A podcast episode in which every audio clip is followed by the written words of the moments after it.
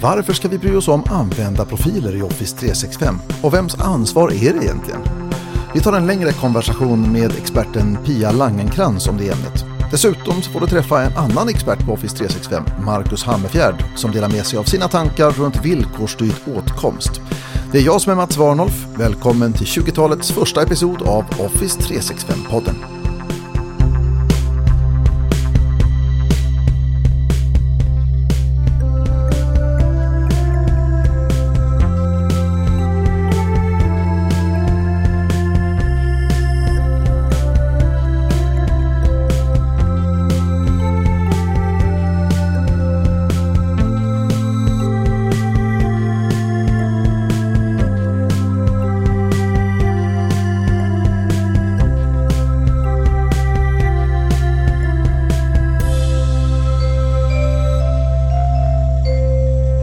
Jag kommer ihåg profilen som vi hade i MySite. Eh, jag, jag fyllde i den och sen så när Delv kom så det blev snygga kort, alltså inte liksom foton på oss, de är ju som de är eh, när vi tar dem. Ehm, men, men att det blev, eh, det blev så snyggt. Det, jo, nu kommer jag ihåg att jag blev liksom, vad snyggt det är ehm, i, i Delv. Ehm, men vad är Delv för någonting då? Nu säger jag MySite och som att alla visste vad det var. Det är ju så här gamla SharePoint-termer. Um, ja, kan, kan, ska vi börja med att kika på vad var MySite för någonting? För det är ju egentligen en slags eh, variant då, där vi hittar element av Delv och vi hittar element av eh, OneDrive mm. i, i MySite. Ja, och den här To-Do ja. som har dykt upp var ju också där. Alltså man hade, man hade uppgifter, man hade sin profil, man hade sina dokument, eh, eh man hade ju sitt egna dokumentbibliotek som nu är OneDrive. Så att man har ju, och det är mycket det som är SharePoint, att det har hackats upp och skapats nya tjänster kring det. Jag menar, Stream var ju den här hela grejen att det är väldigt dumt att lagra videofilmer i, i SharePoint, men det gjorde så himla mycket, så då tog man ut det därifrån. Nej, men Delve är ju eh, din profil, då, då, den delen ifrån MySite. Eh, din bild, ditt telefonnummer, din chef, din mailadress och så kan du lägga till massa mer information om dig själv också. Um, och där kan man ju styra också eh, vilken information som användarna själva får ändra. Um, vi vill ju inte att användarna ska ändra sin e-mailadress. Uh, telefonnummer har ju varit en sån här grej som har varit jättesvår att ändra, särskilt då för att i det standard Office 365-licensen eh, eh, så får du inte med att du får den här tvåvägsuppdateringen, utan det måste uppdateras i Active Directory. Um, och du kan inte uppdatera ja, precis, e-mailadress, um, namn och telefonnummer. Vad vi pratar om nu helt enkelt då det är ju att när datakällan är ett lokalt Active Directory och att vi synkar upp den i Azure AD som är datakällan för Office 365. Ändringar i informationen måste då komma ifrån det lokala Active Directory. Mm. Och det är vad det är vi i IT-världen kallar för masterdata. Yes. Eh, men, men den är ju, de sakerna som du kan lägga till själv är ju, du kan lägga till vad du har haft för utbildning, vad du har för intressen, en liten introduktion om dig själv. Och det här kan ju låta väldigt Facebook, men det är jättebra grejer. Det är ju hur bra grejer som helst. Och jag, jag har en lång lista på varför jag tycker det är bra, men varför tycker du att det är bra? Det som jag tycker är bra, det är dels så är det så att det underlättar den sociala delen av det här. Sitter man till exempel i ett geografiskt distribuerat nät eh, och liksom ett geografiskt distribuerat företag så är det ju så att jag känner inte alla människor som arbetar eh, på mitt företag.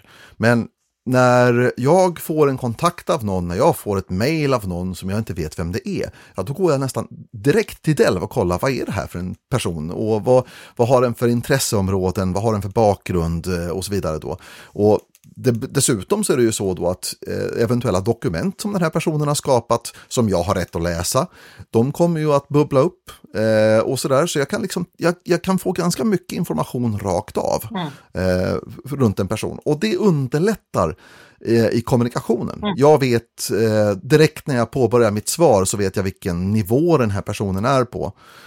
Är det här en nybörjare eller är det en människa som är expert på det här området då som jag kanske har fått en fråga på eller vad handlar det om? Så jag tycker att det är ganska trevligt att kunna göra sin hemläxa där. Och därför tycker jag att Delve är jätte, jättebra därför att den ger mig den här datadelen då mm. eh, runt saker och ting. Plus då att den låter folk uttrycka sig. Jag till exempel kan eh, tala om att jag är buddhist och att jag mediterar. Jag kan tala om att jag löper, alltså att jag springer. Eh, jag kan tala om att jag i ett tidigare liv har hållit på med radio. Jag kan tala om ja, alla sådana saker. Jag kan ge en massa bakgrundsinformation till vem jag är. Mm. Ja men precis, och det är ju både den här att presentera sig själv och att, eh, att få lära sig mer om sina kollegor innan man tar kontakt. Den är grym. Jag tycker också eh, den här med eh, att man kan använda Delv som en telefonapp. Eh, jag vet inte hur andra människor har det, men jag byter jobb ibland eh, och som konsult så har jag en massa olika uppdrag och att få in de här telefonnumren som jag behöver. Jag vill ju oftast inte ha kanske en Magnus Pettersson, utan jag kanske vill ha någon HR som håller på med terminalglasögon. Och då är jag i Delvappen, om någon har skrivit in vad de jobbar med så kan jag söka efter terminalglasögon och jag kan dessutom se om de är online. Eh, och så kan jag ringa då vem det nu än är som är där och så kan jag kolla vem det är. Och så ser jag då att det är tre personer som har terminalglasögon i sitt eh, skillset eh, så ser jag att det är en som är chef och två som är medarbetare. Ja, då kanske jag ringer någon av medarbetarna för jag behöver inte ha tag på en chef direkt för jag vill veta lite mer om vad det är som gäller. Eh, så att just den här att har man då bra data så, så blir det ju så användbart. Och sen så är det ju så trevligt. Alltså, jag vill ju verkligen slå ett slag för att jobba aktivt med profilbilder. Jag gjorde ju en, eh, en bildpolicy, eh, profilbildspolicy och den, den är ju applicerbar på, på alla plattformar för, som man har för företaget. Ehm, att det ska vara i färg. Eh, jag hatar svartvita foton, de är jättesnygga. Men om jag ska komma ihåg ett ansikte, känna igen dig igen, så behöver min hjärna ha alla de nyanserna som finns i färgerna. Eh, och sen så skrev jag lite roligt, jag tycker om att skriva lite roligt, att du får jättegärna skidglasögon och en katt på bilden om du går omkring med de där skidglasögonen och katten på kontoret så att jag känner igen dig. Eh, för, för någonstans så kan ju också det vara en, säkerhetsgrej. Jobbar du här? Ja, jag känner igen ditt ansikte för jag har sett dig i Delv. Eh, när man inte vet hur folk ser ut, då blir det ju svårt. Medan om man kan stå i kafferummet och, och, man dyker upp på ett nytt kontor eh, och så är det någon som bara, ja, men det är du som är du. Ja, just det. Ja, och det är du som är du. Eh, så, så det underlättar ju också i den sociala interaktionen. Och sen så tycker jag så här, le, le på bilderna. Det dyker ju upp lite överallt. Vi vill ju ha trevligt, en trevlig arbetsplats, eller hur? Ja, men så är det ju naturligtvis. Det finns ju en del företag som är oerhört ambitiösa med de här eh, liksom bilderna. Då. Eh, jag hörde talas om ett företag då som hade en anställd fotograf, eller egentligen en inhyrd fotograf, som var på plats en dag i veckan. Så en dag i veckan så kunde man gå, då fanns det ett speciellt rum som var inrett som en studio och så kunde man få en, en ny headshot eller vad sjutton nu handlar om då för att få sin profilbild uppdaterad. Det här var ju naturligtvis då ett lite större företag, det är ju eh, Hasses bilskrot eller eh, så här, de har kanske kanske inte de resurserna och inte de behoven heller. Men det finns ju eh, ganska stora fördelar med att ha det här. Därför att annars så blir det gärna eh, lite så här hihi, eh, som Ole i Sällskapsresan Snowroller som hade en bild på sin hund eller något sånt där då. Nej, men de kollar aldrig. eh, så det där är lite besvärligt då. Men mm. eh, det finns eh, teknikgrejer om man vill. Eh, det finns eh, till exempel tredjepartsappar. Eh, jag gillar, eh, om man har ett bildbibliotek redan och, man så, och så vill man liksom importera de här, då finns det ett verktyg till exempel från Hyperfish som är som gör ett ganska bra verktyg för att komplettera profiler. Deras Hyperfish Lite, den ser till att man får foton på alla då, men då måste man ju ha ett fotobibliotek och taggat upp vem som är vem och sådär då, men då kan man importera, bulkimportera alltihopa. Och den andra varianten som man kan ha, det är Code2 har också ett sånt här verktyg då som gör att man kan liksom komplettera profilerna och så. Så det finns verktyg där ute för att jobba med det här om man nu tycker att det är lite knöligt. För det här hamnar ju typiskt i knät på HR. Mm. Eh, för det är ju egentligen HR tycker jag som ska ha ansvar för profildatat. Det som inte den anställde själv ska komma med, det ska ju kompletteras av HR. Det är HR som ska äga det här datat på något vis. Och jag tycker så här, man ska gå ett steg längre, inte bara äga datan utan äga processerna, rutinerna runt omkring det hela. Eh, att det är de som ska driva de här informationskampanjerna och också kolla upp och säga så här, du Mats, du har inte uppdaterat din eh, profil eh, sen du har bytt utseende. Det vill vi gärna att du gör. Nu är ni killar, ni väljer ju en stil typ när ni är 17 och sen fortsätter ni på den tills ja, tills det händer någonting i medelåldern. Medan vi tjejer, ja. vi byter ju kanske frisyr lite oftare liksom, och glasögon och sådana saker. Och där blir det ju att när man har ändrat sitt utseende så behöver man ju uppdatera de här sakerna också. Um, det är ju så här jättekul, så här, där Tinder-sjukan, liksom, när folk bara lägger upp profilbilder så som man såg ut när man var 22. Och man säger, ja fast det där hjälper inte. Vi behöver veta hur du ser ut nu. Det blir bara galet ja. Det blir bara galet. Och då har jag ett tips. Eh, det finns en app eh, som heter Microsoft Selfie. Eh, Just det, där man kan göra lite touch-ups och grejer också, ja, eller hur? Ja, för jag brukar säga sådär att din profilbild ska ju inte vara liksom en Tinder, du ska inte vara liksom så här het och sexig och se så här ut att gifta med mig och få ett bra liv. Men att du ska se ut som din bästa dag på jobbet. Och då, det som jag gillar just med Microsoft Selfie är att du kan, liksom, när du har fiffat det lite grann för en, ett viktigt möte, och sen kan man ta den där och sen så kan man släta ut vissa saker så att man mår lite bra själv med den där profilbilden. Um, och jag, jag har använt den jätte jättemycket. Jag tycker det, är så här, det blir helt, helt okej okay bilder, jättebra faktiskt. Um, och där kan man ju hålla på ett tag. Och då måste jag också säga, ta, ta inga selfiebilder på toaletten. Herregud, folk sluta med det. Så, nu har jag sagt det. Ja, ja som sagt, eh, kan jag repetera då, då, som sagt den här Microsoft Selfie är alltså en mobilapp som man kan ladda ner den är gratis eh, och den gör att man kan ta en selfiebild och sen kan man göra lite touch-up och sådär. Det är inte som Instagram med massa filter och sånt utan eh, snarare då, vad jag vet i alla fall, det var ett tag sedan jag använde den får jag säga. Mm. Men eh, man kan i alla fall liksom fixa till lite så påsarna under ögonen blir liksom lite mindre markerade och sådär. Och eh, de gula tänderna blir lite vitare kanske, jag vet inte. Men sådana saker kan man liksom fixa till. Mm. Eh, så att man ser som, ut som sitt bästa eller så, så som man hoppades att man skulle ha sett ut egentligen. Men, men inte jag. Men folk kommer ändå att känna igen dig och det är precis, det är inte som Instagram, det är inga musöron eller liksom jättestora ögon och regnbågar och sådär, utan helt vanliga schyssta bilder. Eh, så ta en bra bild. Yes. För all del. All right. Mm. Så, men eh, om vi nu pratar om det här att, att HR är de som ska ansvara för både datat och datakvaliteten och för processerna runt det och så vidare. Tycker du att de flesta HR-avdelningar idag är utrustade med, för det här? Både kompetensmässigt och verktygsmässigt?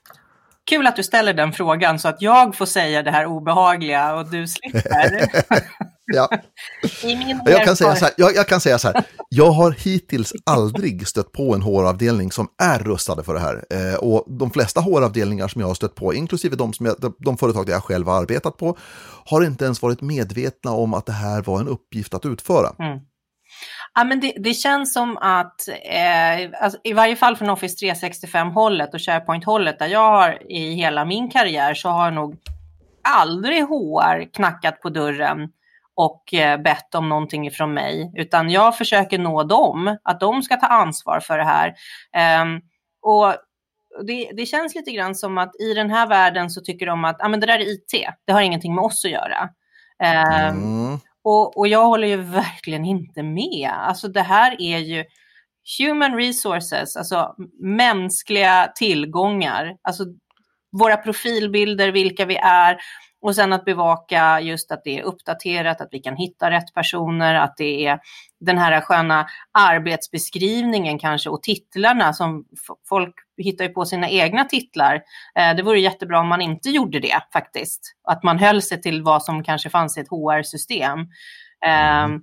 Och där kan vi säga, precis som AD är master för vissa uppgifter, så kan ju det här HR-systemet vara master för andra uppgifter. Och att de kanske behöver integreras. Men registervården, det vill säga hålla registret uppdaterat, aktuellt och eh, kvali liksom kvalitetssäkert, det är HRs uppgift och de gör inte det. Det här är ju den stora eh, den stora bristen och den här stora liksom, disconnecten som finns egentligen då, det är ju att man inte, det, alltså det, det, kom ett slags, en slags brytpunkt. För jag kommer ihåg när eh, HR-avdelningarna började samla in det här med eh, anhörigdata, vem ska man ringa ifall du blir överkörd av bussen eller liksom du får en, en fallolycka på jobbet eller så. Eh, alla de bitarna, när det kom in, det var första gången som jag liksom stötte på att HR överhuvudtaget uppdaterade information. Utan då var det här att var, varje år så kom det då det här mejlet då att det här är vad som står listat rörande din anhöriginformation eh, just nu. Eh, om det stämmer så behöver du inte göra någonting men om du vill uppdatera så kan du göra det genom att svara på det här mejlet eller vad det nu handlar om. Mm. Eh, och det i grund och botten så tycker jag fortfarande att väldigt många HR-avdelningar de har fastnat här, det är det enda de gör. Mm. Eh, men i verkligheten så är det naturligtvis så att jag då som kommer från IT, eh, typiskt, jag tycker ju då att användardatat, vad folk har för namn och hemadresser och för telefonnummer och så vidare, det är någonting som ska ägas av, av HR. Mm. Och om HR behöver ha hjälp med verktyg och processer för att liksom sköta det här så kan man säkert be IT om hjälp med det. Men ägandeskapet och ansvaret, det är HR. Mm.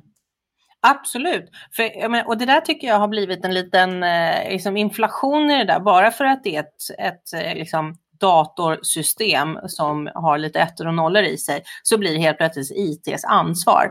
Alltså, vi på IT, vi är en stöd och supportfunktion, men många gånger så får vi flyta ut och göra massor av andra saker. Jag, jag har eh, både utbildat mig och jobbat hårt på att bli en bättre kommunikatör, redaktör, eh, förändringsledare, sitta med processkartläggning och sådana här saker för att folk tycker att ah, men det där är ju ett IT-system, så det får ju IT ta hand om. Och de har ju suttit där lite grann och bara, jaha, hur löser jag det här då? Alltså jag, jag kan få de här sakerna att funka på din skärm och din telefon, men hur det ska funka som vi pratade om innan eh, vi började spela in det här systemet. Systemet är ju inte datorsystemet. Systemet är ju alla de processer och rutiner och sätt som vi gör saker.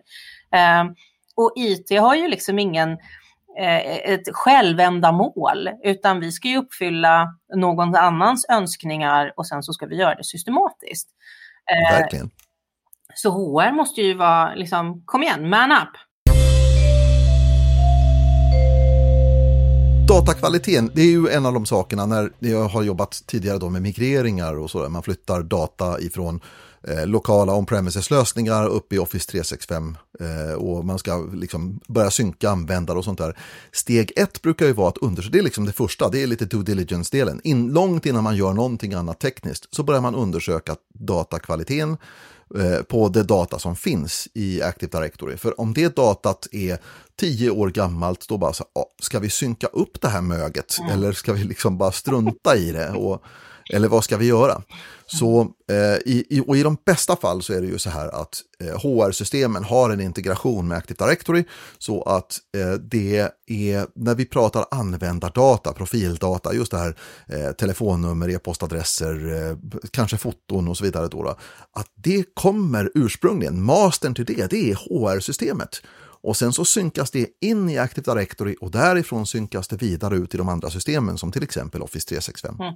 Har helt rätt. Det är, liksom, det är ju drömscenariot, därför att det betyder att det finns ett ställe där det här fotot ska uppdateras, eller vad sjutton det nu handlar om. Då. Mm. Sen kan man naturligtvis hålla på och joxa med och tillåta att användaren själv byter foto eller vad man nu vill och att man kan tillåta att användaren själv byter telefonnummer och så vidare. Då. Men oavsett det, oavsett de här formella datat som finns, så finns det ju massor med annat som användaren gärna får fylla på med själv, som intressen och eh, liksom studiebakgrunder och, och annat. Då. Mm. Nej, men för det viktiga är ju precis som du började med att säga att man ska kunna snabbt lära känna någon. Och jag menar visst, att du varit på Chalmers, det kan väl få stå med? Bara, Absolut. Chalmers alumni, det är det enda som behövs. Mm. Um, yes. och, och, och sen så kan man ju ta liksom stora milstolpar, men det som är bakgrunden till varför är du här? Eh, är det för att du är en SharePoint-expert eller är det för att du kan virka? Eh, sen så kan det vara trevligt om det står att du kan virka också, för då kan man få en sån här, ja, då kanske du kan lära mig. Eller då kanske du ska gå med i vårt nätverk.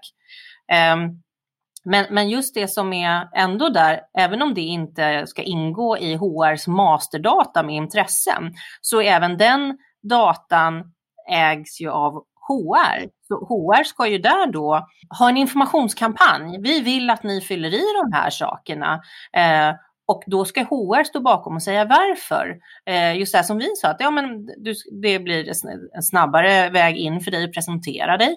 Eh, du kommer hitta andra människor lättare. Vi kommer liksom fortare kunna nå fram till rätt personer med rätt frågor.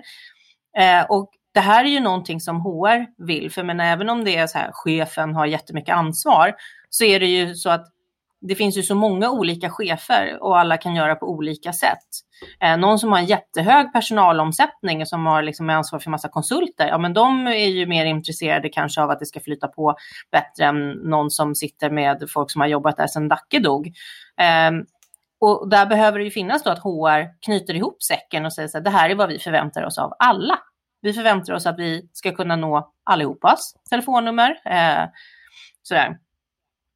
Och då är det ju också så här, okej, okay, hur, hur ska de göra det här, de stackarna? Nu, nu har vi skällt på dem lite grann här. Nu kan vi, du sa Hyperfish som är ett jättebra verktyg. Det, det är en add-on då, då till Office 365. Eh, men det är ju också då att se till att uppdatera de här processerna vid anställningen, att man ser till att de här sakerna kommer med.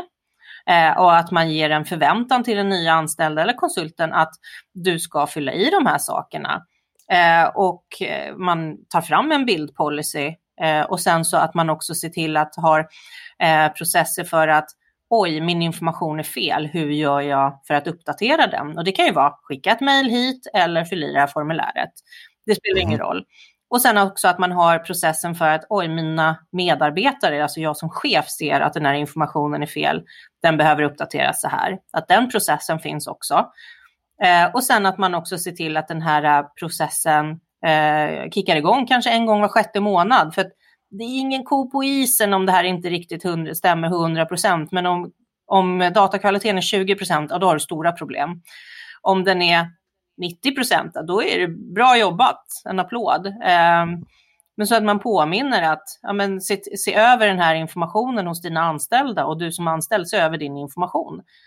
Mm. För vi, vi byter ju projekt också. Det är, projekt läggs ner och startas nya och man byter avdelning. Det ska också reflekteras i, i den informationen.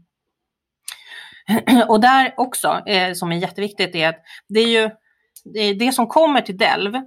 Nu, eh, förut så kunde vi lägga till massa fält och göra massa roliga saker. Vi har inte riktigt samma möjligheter idag i Delv. Men det är ju namn, eh, telefonnummer, e-mailadress, kontor, chef. Är det någonting mer? Nej, det är nog bara ja. det som du nämnde. Mm. Och där är ju då att just den här att chef, eh, om den stämmer, så får man ju ett väldigt vackert organisationsschema i, i Office 365-modell. Så den är ja. jätteviktig att få, få koll på och ha, ha bra där, för då kan man ju se liksom, okay, vilken är vår gemensamma chef. Eh, sådär. Och sen det här kontor, eh, det brukar ju oftast vara, av de olika egenskaperna så brukar det vara sämst kvalitet i. Ehm, ja. Men där vill ju jag jättegärna att man definierar de här avdelningar också. Så, jag visste att det var en till, avdelning. Just det. Med kontor och avdelning, att man faktiskt gör dynamiska AD-grupper baserat på det här som man kan sedan använda som målgrupper i, i SharePoint.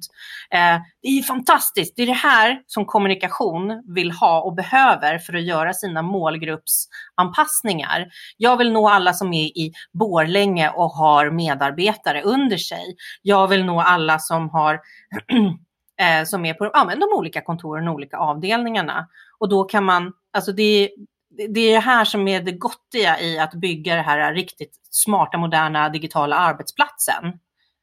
För vi ska ju nå ut till rätt personer. Precis, så det finns helt enkelt massor med funktioner och, och finesser i Office 365 som vi kan nyttja för att göra de vanliga arbetsprocesserna och kommunikationsprocesserna väldigt mycket bättre och enklare. Men det förutsätter att rådatat finns där och att den är korrekt. Mm. Så som sagt, att börja med att skruva på, på datakvaliteten. Jag tänkte vi skulle ta och dyka in lite grann i djupet då, för nu har vi pratat om det här DELF, men det finns ju egentligen en bakomliggande teknik, eller en underliggande teknik i det här då, mm. som heter Microsoft Graph. Mm -hmm. Och vad vet, vi, vad vet vi om Microsoft Graph för någonting? Oh, det är svart magi. Det, ja. det, det tror jag vi kan, vi som sitter på den här sidan av skärmen kan säga att det är så. Ja, vad, vad de säger så här, uh, smoke, mirrors och pixie dust. Ja, exakt. Eh, nej men det är ju hjärnan bakom Office 365. Det är den som bubblar upp att det här kanske, de här nyheterna kanske är intressant för dig. Eh, Microsoft Graph är precis som det finns en Facebook Graph och en Instagram Graph och sådana här saker. Utan det, det, är ju det som knyter ihop allting bakom. Vad är det som gör att olika personer och information är relaterade till varandra? Eh, och, och, den samlar in information då ifrån Outlook som mest. De kommer lägga till Teams i den också, det kanske de redan har gjort. Så att de som jag mejlar mycket med kommer säga så här, men här har vi en stark koppling mellan Pia och de här personerna. Eh, det är en stark koppling mellan mig och min chef. Eh, det är en stark koppling mellan mig och de som jag går på möten med. Eh, och så fylls de här signalerna på Ehm, för att då förbättra mina rekommendationer. Ehm, och sen så används då den här informationen till att förbättra saker som om det är någon som har tittat i My Analytics som kan se så här, du jobbar för mycket på, på nätterna till exempel. Man bara, wow, vad är det här? Ehm, jag, jag vill minnas när jag såg att en kille från Microsoft delade på LinkedIn eh, för ganska länge sedan, men det var, en, det var en insikt för honom att han jobbade på söndagskvällarna. Då, mm. då samlade han ihop sig och förberedde sig inför veckan, vilket är helt okej. Så får man göra, så får man välja att jobba. Men eh, hans rutin gjorde att hans medarbetare också jobbade på söndagar för att då läste de hans mejl. Just det, precis. Ja, och det var så här, wow, det här ska jag sluta med. Um, mm. Och det är en bra insikt och den kommer ju från, från Dell, eller den kommer ju från mm. Microsoft Graph. Um, så att det är ju, det, det, är en, det är en smart, smart grej det där. Absolut. Så om vi bryter ner det då som sagt så vi har vi en massa eh, objekt. Vi har användare, vi har filer, vi har sajter, vi har möten, vi har kommunikationer och så vidare då. Och när vi deltar eh, i de här sakerna, när jag läser ett mail ifrån Pia, från dig Pia, så skapas det en slags koppling, en signal eh, går då till Graph som eh, gör den här associationen mellan dig och mig och ämnet som vi diskuterar mm. faktiskt. Så om jag bifogar ett, eh, en fil till exempel, en, ett dokument eller en powerpoint-presentation eller om jag gör en, vi har ett möte i Teams till exempel och jag visar en presentation för dig och så vidare. Då. Så alla de här signalerna samlas in och på det viset så ser grafen ganska snart hur hela vår organisation hänger ihop. Och den gör det på ett sätt som oftast överstiger vad vi själva har koll på, hur saker och ting hänger ihop. Eh, jag vet inte om det är någon som har lekt den här Six degrees to Kevin Bacon, höll jag på att säga. Eh, det var en, det, det är inte så många, inte jättemånga som vet vem Kevin Bacon är, men Kevin Bacon är en skådespelare. Eh, han är en av de duktigaste skådespelarna som är i liv just nu, tycker jag. Och hela poängen med det här då, det var att man kunde hitta en koppling mellan vem som helst till Kevin Bacon på färre, eller på, på sex steg eller färre. Mm så kunde man, kunde man länka ihop vem som helst med Kevin Bacon. Och det var då genom här... filmer. Eh, ja. Och det här var ju ja. en lek som var riktigt kul att göra. Eh, jag, har, jag har ju tagit en, en, en collegekurs i filmhistoria, så att, eh, det var så här, man, man pluggade lite sånt där. Eh, det var en lek som var riktigt rolig eh, innan IMDB blev så bra som den var, för då kunde man ju faktiskt fråga, liksom, man bara, ja men Kevin Spacey och Kevin Bacon, hur hänger det ihop? Och så fick man liksom sitta och fundera, på, ah, vilka filmer har de varit med om? Och så var den där tjejen och så var det där. Um, mm. Mm. Det var länge sedan jag tänkte på den där. grafen gör precis den här mappningen av saker och ting. Den vet inte bara att jag och eh, du Pia, att vi hänger ihop på något vis, alltså, utan den vet också på vilket sätt. Och I vårt fall så skulle man då säga då kanske att det är vårt intresseområde. Vi håller bägge två på med Office 365 och med Azure AD och alltihopa det här. Så vi har liksom, och SharePoint framför allt då. då. Så eh, det här vet grafen därför att den har kikat på saker och ting. Den här fångar ju naturligtvis då till exempel att jag läser ett dokument. Men att jag har läst ett dokument, det är någonting som är privat för mig. Medan däremot om jag skriver i ett dokument, då är det en signal som är publik om jag är dokumentförfattare. Därför att mm. det betyder då att om jag skriver ett dokument och det dokumentet handlar om SharePoint så har det väldigt stor chans att det dyker upp i ditt flöde Pia, därför att dels så känner du mig och dels så är du intresserad av SharePoint. Så när du går till Delv och du ser de här föreslagna dokument, dokument som kan vara in intressanta för dig, så kommer mitt dokument om SharePoint att bubbla upp där därför att eh, grafen vet att du och jag har en koppling och dessutom så vet vi att du är intresserad av SharePoint. Och det är det här som är grejen då, det vill säga mm. att den hjälper oss att hitta, eh, att hitta relevant information. Och på ett intelligent sätt, det är alltså inte en mm. sökmotor på det sättet, även om den naturligtvis man kan söka i grafen. Men den är smartare än så därför att den vet varför ett dokument är relevant för mig. Ja, och Delv är ju tänkt någonstans att vara, eh, alltså istället för sök, att information hittar dig istället för att du hittar information. För där kan det ju också vara någonstans att här är ett väldigt populärt dokument som din chef eh, reagerade väldigt, väldigt snabbt på. Och sen så plötsligt så kommer det upp så här månadsbudget som har eh, gått över väldigt illa. Mm. Eh, då kanske jag också vill läsa det. Eh, men också nu, nu när du säger så här, mm. den här informationen är bara tillgänglig för dig.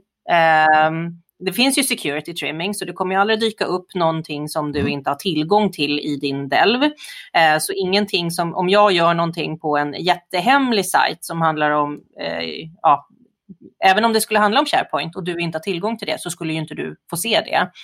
Eh, men det är ett ganska spännande projekt som kommer upp här nu. Eh, vet du vad jag tänker på? Jag, tänk, jag tror att du tänker på Project Cortex. Ja! Berätta.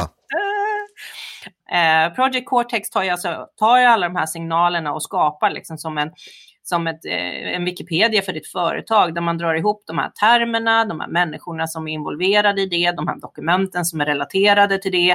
Eh, om vi nu skulle hitta på ett nytt ord, ehm, Ja, Apex, ja, nu finns ju det som, ja, men jag tänkte nytt ord för vad vi pratar om just nu.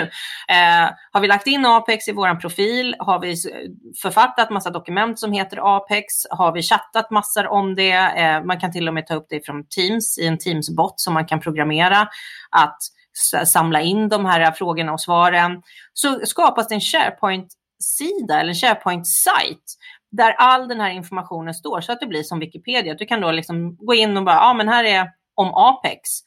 Och då när du börjar skriva Apex på en annan SharePoint-sida eller i ett mejl så kan du eh, hovra, vad nu det heter på svenska, vad säger man? Låta, låta muspekaren liksom vila över någonting.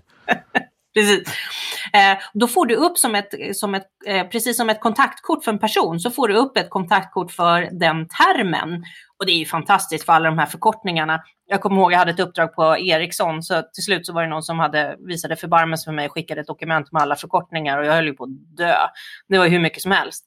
Där, att dra in alla de förkortningarna och se vad är det här för någonting eh, och om det är ett projekt, vilka är det som jobbar med det här och är ansvariga för det här. Så Project Cortex, holy crap, det kommer bli skitcoolt. När kommer det? Sen. Ja, precis. det var en liten setup där. Ja, eh, det är, ju, det är ju så här att det här är ju det som Microsoft har flaggat för att de håller på och jobbar med att utveckla just nu. Och det finns ju i det som man kallar för en privat preview. Vill säga några utvalda företag, de är med och testar den här tekniken och därmed så ger de också tillbaka eh, information till Microsoft som gör att de kan förbättra, hitta liksom problemen och buggarna innan det, innan det här är redo för primetime på något vis. Mm. Så ja, vi vet inte när det här kommer att dyka upp på riktigt då. Microsoft har en tidtabell eh, och jag tror till och med att de har pratat om att de hoppas på att de ska kunna ha en release lagom till nästa Ignite, skulle jag tippa på. Eh, men eh, det är... Huruvida den verkligen kommer då eller inte, det beror ju naturligtvis på, på vad de här testerna visar. Eh, och, så. Eh, och det här är ju ett stort projekt eh, med Project Cortex. Eh, jag tänker mig att det snarare kan bli försenat än att det kommer tidigare. Mm. Men jag vet inte, det, jag menar, det, den, som, den som lever får se som vi säger. Ja, och sen också, även om då det här Project Cortex bygger på eh, en AI, alltså en artificiell intelligens, eh, så kommer den att hämta upp information om det som finns och där är vi då tillbaka till det vi började prata om, registervård. Det är som en, en gammal eh, kanonsäljare sa i skrivaren, skit in, skit ut. Eh, har du ett dåligt register så kommer inte det här att funka särskilt bra. Så det är inte så att den här AI kommer att fixa allting, utan AI kommer att fixa det som du har bäddat upp för. Är det så att du eh, bara använder e-mail i, din, eh, i ditt företag, ja då kan det bli lite svårt för då, måste du, då kan den bara bubbla upp dokument som är tillgängliga för folk som har skickat och tagit emot. Utan du behöver ju ha en bra struktur med eh, lagring, eh, med eh, den här, eh, dina profiler och chef så att organisationen fungerar. Ehm, och du behöver ha liksom, dokument som du taggar. Du, du behöver ha en struktur. För även då om den här AI kommer att göra en struktur. Eh, men om du har en väldigt dålig sådan, då kommer den bli väldigt dålig även i Project Cortex. Så är det naturligtvis. Så oavsett om vi tror att vi kommer att använda oss av Project Cortex och oavsett, för det finns ju organisationer som till och med har stängt av den här funktionen Delv. Men, oh, oh, ja, jo, jag vet, I know. Det är, det är nu man skulle ha en sån här emojin, den här liksom eh, eh mm. skriet-gubben. Liksom. Exakt. Eh, den eh, skulle man vilja sätta in här då, att, att folk har stängt av det. Eh, men, eh, och det är ju Alltså, egentligen då så tycker jag också att man ska ha den här försiktighetsprincipen runt ny teknik. Innan man vet riktigt hur den används och hur den ska användas så ska man kanske vara försiktig. Man ska inte slå på allting bara för att det kommer någonting som är shiny shiny, utan man ska ha tänkningen först. Men det behöver man ju ha en process runt också, så att folk inte sitter och väntar i, i, i flera år på att eh, få en teknik som skulle göra deras vardag mycket lättare redan från, liksom från get-go. Men Eh, poängen i det här fallet är egentligen bara det här att oavsett om man tänker sig använda den här tekniken eller inte så se till att ditt källdata, den här liksom datakvaliteten på eh, användarprofiler och så vidare, då, att den är bra. Mm. Det är liksom call to action nu. Mm. Och det mm. är att eh, sitter du, om du, du som lyssnar på det här jobbar på HR, så det här är någonting som ni behöver ta tag i. Och om du arbetar på någon annan plats i organisationen så ta kontakt med HR och kolla hur hanteras profilinformationen, hur samlas den in och hur ser processerna ut och hur uppdateras den, hur hålls det ordning på det här? Därför att det här kommer att bli, och det är redan, relevant i Office 365 i grund och botten överallt. Mm. Så Absolut. fixa det. Mm.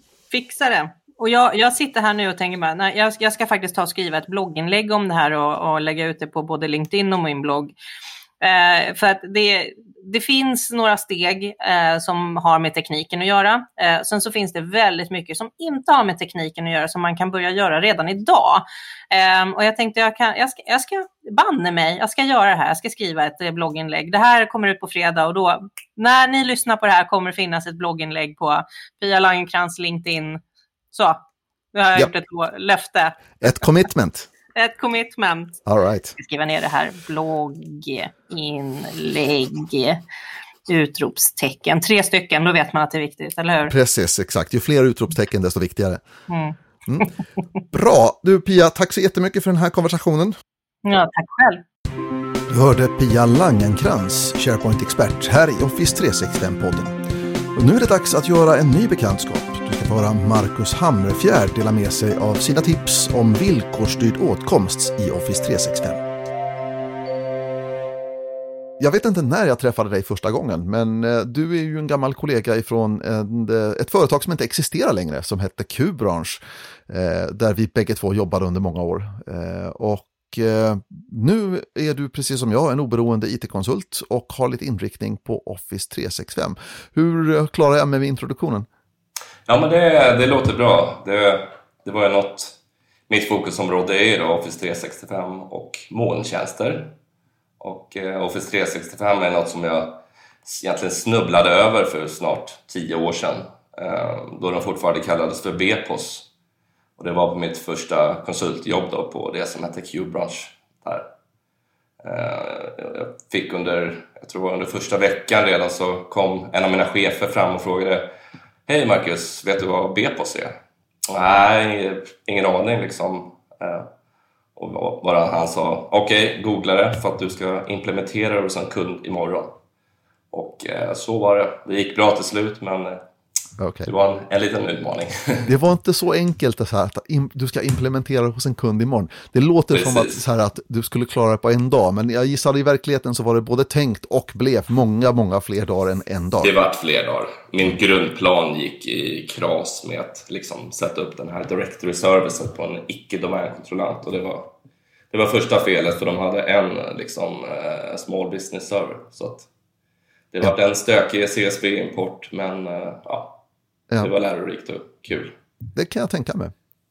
Det var ju en lite enklare produkt också på den tiden. Det var ju, ja, vad var det? Exchange, SharePoint och Lync va? Ja, precis. Eh, och det, det, som var intressant med den produkten, B-postprodukten, var ju att vad man hade gjort var egentligen att man hade tagit de här, det som, det som vi i branschen brukar kalla för on-premises-servrar, det vill säga man hade tagit eh, tjänster som man normalt sett installerar på sina egna servrar i sina egna datorhallar och sen så hade man gjort lite anpassningar och saker och ting och så hade man lukt, lagt upp det då i Microsofts datacenter och sen så sa man att nu säljer vi det här som en tjänst. Ni behöver inte hålla på med servrarna längre utan ni ska bara konsumera tjänsterna som till exempel mailserver och så vidare. Vi sköter driften och patchning och alltihopa det här och det enda ni gör är att ni läser er mail. Och det där Precis. låter ju oerhört sexigt naturligtvis och eh, oavsett egentligen vilken storlek på företaget man har. Men det som de flesta upptäckte med den här B-postprodukten det var ju att det fanns problem med att nummer ett då så var de här produkterna i sig inte särskilt väl integrerade med varandra.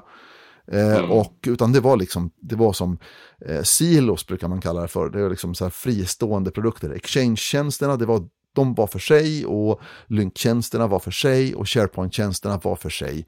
Och Eh, det var inte så enkelt att, att liksom implementera de här som Office 365 är idag. Och Office Exakt. 365 är ju oerhört enkelt att starta med, men därefter så finns det, det finns rätt många skruvar att skruva på kan man konstatera. Ja, precis. Den har ju vuxit en del på senaste, ja, sen, sen den startade egentligen. Det vart väl bra där någon 2012, 13 där någonstans skulle jag väl säga det var då den började bli vettig och det blev lite efterfrågan igen. Ja, det var ju då som man började implementera 2013-produkterna. Den B-posten, där var det liksom Exchange 2010 och SharePoint 2010 mm. och så vidare. Då.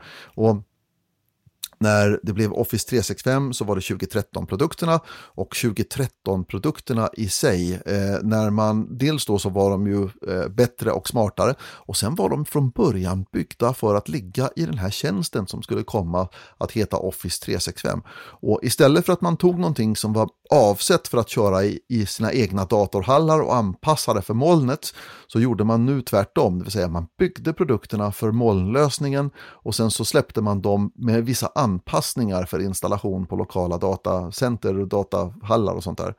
Precis, och vi kom ifrån den här inloggningsklienten som var lite, det var lite som en messenger man fick logga på för att...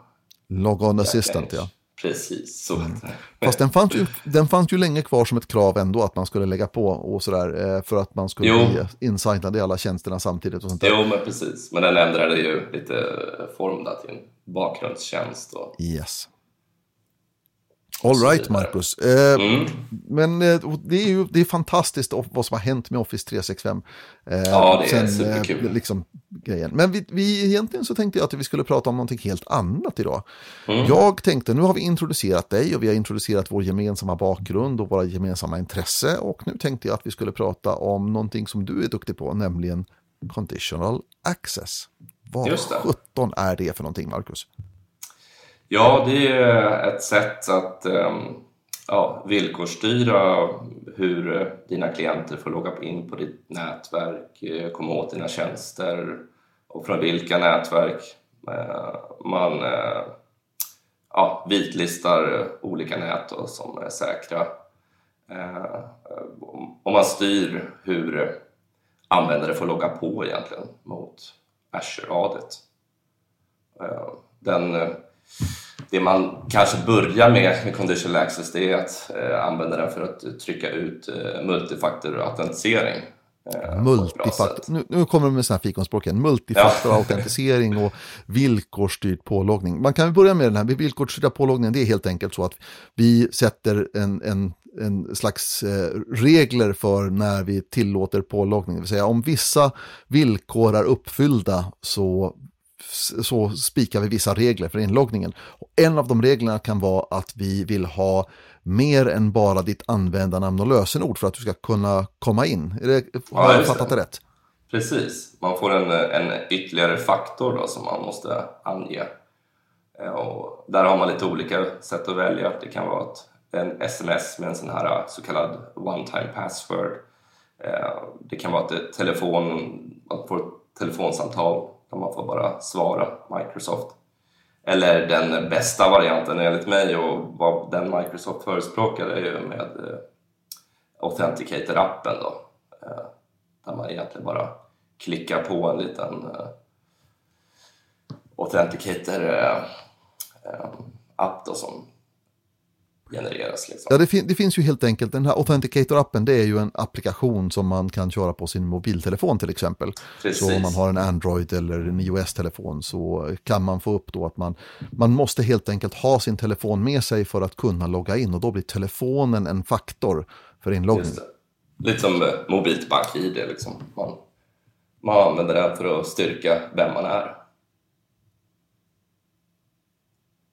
All right. Eh, men ja. Det här låter inte som det är någon så här klock... Eh, alltså, det låter ju väldigt enkelt att implementera. Det är alltså att man, man eh, går in och så säger man så här att eh, vi vill att alla anställda eller vissa anställda så att säga, eller vad det nu handlar om då, de, ska behöva, de måste visa ytterligare en faktor för att, att eh, liksom logga på. Men det måste finnas någon slags fallgropar, någon slags problem som kan uppstå när man rullar ut det här. Eller är det så enkelt att bara liksom, man kryssar i en ruta och sen så funkar det? Det är rätt enkelt om man har rätt licens. Så det finns liksom förbyggda till och med från Microsoft sådana här baseline policies eh, som man bara kan klicka i. Använd multifaktor på alla. Eh, tillåt det och tillåt inte. Eh, dock är ju som de flesta gör, de bygger sina egna eh, regler och eh, även de här baselines de kommer även försvinna nu den 29 februari så att de är ju rekommendationer att man inte använder eh, längre. Men det har varit tämligen enkelt att sätta upp det med hjälp av de här för man kan använda dem som, som mall. Då, då. Och vad jag har sett, folk lägger ganska mycket tid på att bygga de här reglerna och sätta sina säkra nät och man kanske i början tillåter man kanske bara de eh, länder där man är operativ, Sverige, Norge, Danmark, Finland. Eh, men sen brukar man få låsa upp när man märkte att oj, CIO åkte till Kina, då kanske vi inte kan blocka hela Kina då. Så. Men där kan man också eh, styra på att man har vissa grupper som tillåter det och, och så vidare. Men jag tycker det brukar man göra ganska bra och ehm, eh, självklart är rekommendationen att man gör en, en pilot då, då, som i alla implementationsprojekt och testar i liten skala. För det kan ju vara att en vanlig fallgrupp kan ju vara att man låser ut eh, systemkonton, ett konto som provisionerar upp konton till Azure till exempel med AD Connect um, i ett exempel. Uh, och användare som man inte tänker på eller enheter. Man kan ju ställa in att vi kräver Windows 10 men man glömde bort det här lilla lokalkontoret som fortfarande körde Windows 7. Då. Så en eh, förstudie då, eh, rekommendationen. Och, um, um, men eh, jag tycker den allra kanske inte den allra vanligaste, men en väldigt vanlig fallgrop, det är att man sätter upp den här conditional access. Man eh, liksom låser ner med, med, hjälp av den. Man har låst eh, ytterdörren med både hänglås och lås. Eh, men sen så har man fönstren öppna man, på grund av att man inte har eh, blockerat en eh, något som kallas för legacy authentication eller basic authentication. Vad, vad är, alltså nu får du säga att alltså, legacy authentication eller basic authentication. Legacy betyder ju att det är någonting som är gammalt, som, som ett arv helt enkelt, som har funnits sedan tidigare. Men då måste det finnas en, en motpart, någonting som är nytt och, och sådär. Ja, det är det som kallas för modern authentication då, lämpligt nog. Eh, men de här gamla, det är, eh, det är främst i IMAP och POP3, ActiveSync, sånt som vi kanske inte använder så mycket av. Men det ligger kvar liksom. Och, och det, att Microsoft är inte superbra där måste jag säga och, och kanske berätta för oss att det här ska du först göra innan du slår på Conditional Access och trycker ut MFA. För det som händer är när du har slagit på Conditional Access och MFA och du tycker att du har liksom säkrat upp din miljö, du skyddar dig mot de eh, identitetsattackerna då, som, som brukar eh, varför man oftast slår på det här. Ehm, men då ehm, de här gamla protokollen, de är så pass enkla så att de förstås inte på conditional access och MFA. Så de rundar helt enkelt de här säkerhetslagren.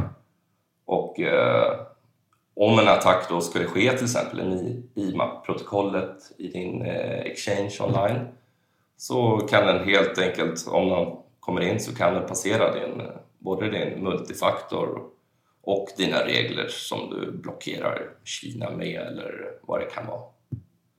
Så det, det är en, tyvärr en ganska vanlig miss man gör. Kan, alltså, är, är det här någonting som man överhuvudtaget klarar av att göra själv om man nu är administratör för Office 365? Eller, eh, alltså, det är naturligtvis finns det administratörer som är experter och så finns det administratörer som är relativt nybörjare på vad de håller på med. Mm.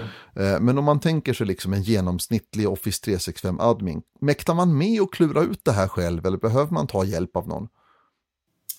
Man... Eh Ja, alltså någon form av hjälp kanske. Om man är helt ny på det här så ska man ju absolut ta. Det handlar ju om...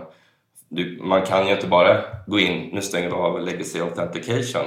För då har man kanske en massa tjänster som slutar fungera. Det är det här ekonomisystemet eller, eller de här som kopplar upp sig via ett gammalt protokoll via mobilen. Så att innan man gör det så måste man även här göra en förstudie och analysera hur folk loggar på mot våra resurser.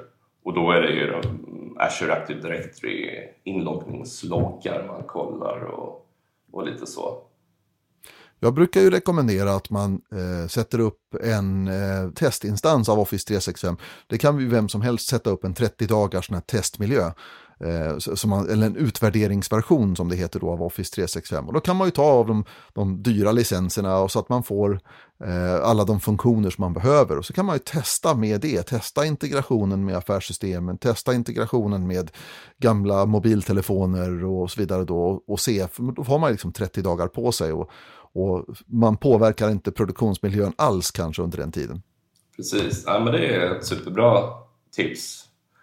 Um, det, det, är bara att man har tiden, att man tar sig tiden och, och verkligen testar de här grejerna så sparar man sig mycket problem. Ja, man får ju helt enkelt ta sig tid för att det här är ja. ju Det finns ju två stycken dikeskörningar så som jag ser det att man kan göra med, med conditional access. Det ena är naturligtvis då att man ställer kraven så pass hårt att man råkar låsa sig ute själv och, eh, så att ingen kommer in helt enkelt. Och i det läget så måste man ju då kontakta Microsoft. Och de kan ju hjälpa. Men det händer ju inte på en kafferast. Utan Nej, då är man, man kanske utan sin Office 365 i ja, åtminstone 24 timmar skulle jag säga att man är liksom ja. lost. Man hamnar ganska långt ner på deras supportlista tyvärr. Eh, så man ska alltid spara ett adminkonto, ett global admin-konto där man inte har multifaktor på för det första. Och så liksom låser man bara in det i kassavalvet. Det, eh, vi hade ju, var det förra sommaren vi hade en större incident på när multifaktortjänsten var nere helt enkelt. Liksom, mm. då, Under flera dygn ska man säga. Exakt, det, det var inte så kul liksom. Nej.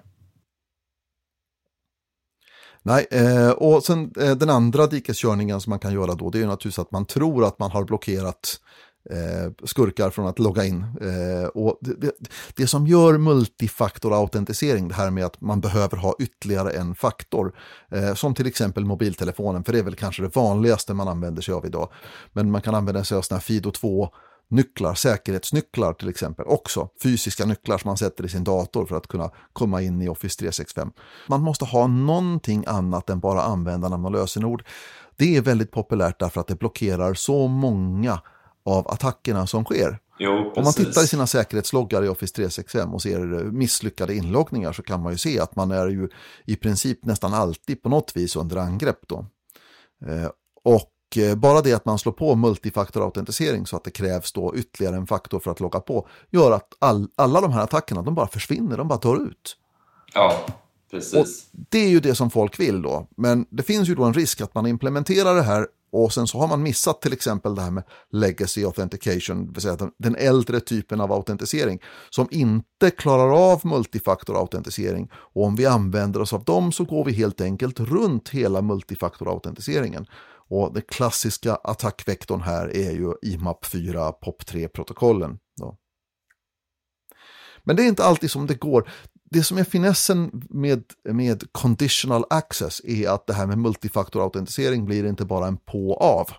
Utan vi kan just ställ, sätta regler för när ska det här träda i kraft. Så vi kan göra undantag för eh, till exempel eh, om jag har eh, skrivare som behöver logga in i Office 365 som inte klarar av någonting annat än kanske POP3 och SMTP-protokoll eller vad det nu handlar om då. Eh, för det, det förekommer ju sådana här multifaktorskrivare. Eh, så kan jag ju då göra undantag för eh, de IP-adresser, de publika IP-adresser som kontoren använder som de här skrivarna står på.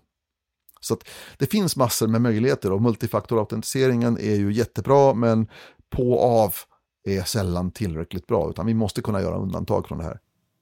Ja, absolut. Det, jag har inte stött på något eh, företag där man liksom kör till 100% på, på allt ännu. Så det, men eh, i framtiden absolut, när man med de här nycklarna som du pratar om, eh, passwordless, som kommer allt mer så, så kommer man ju kunna tajta till ordentligt.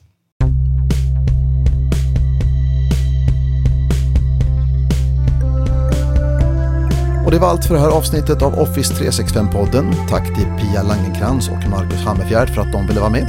Om du vill höra av dig, skicka gärna ett mejl till office365podden at varnolf.net. Vi hörs igen om ett par veckor med ett nytt avsnitt av Office 365-podden.